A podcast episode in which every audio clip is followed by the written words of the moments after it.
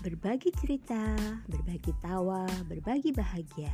Hai, bersama saya Henny, Kita bertemu lagi di dalam cerita Ibu Henny setiap Selasa jam 10 pagi untuk saling berbagi cerita, berbagi inspirasi untuk semua.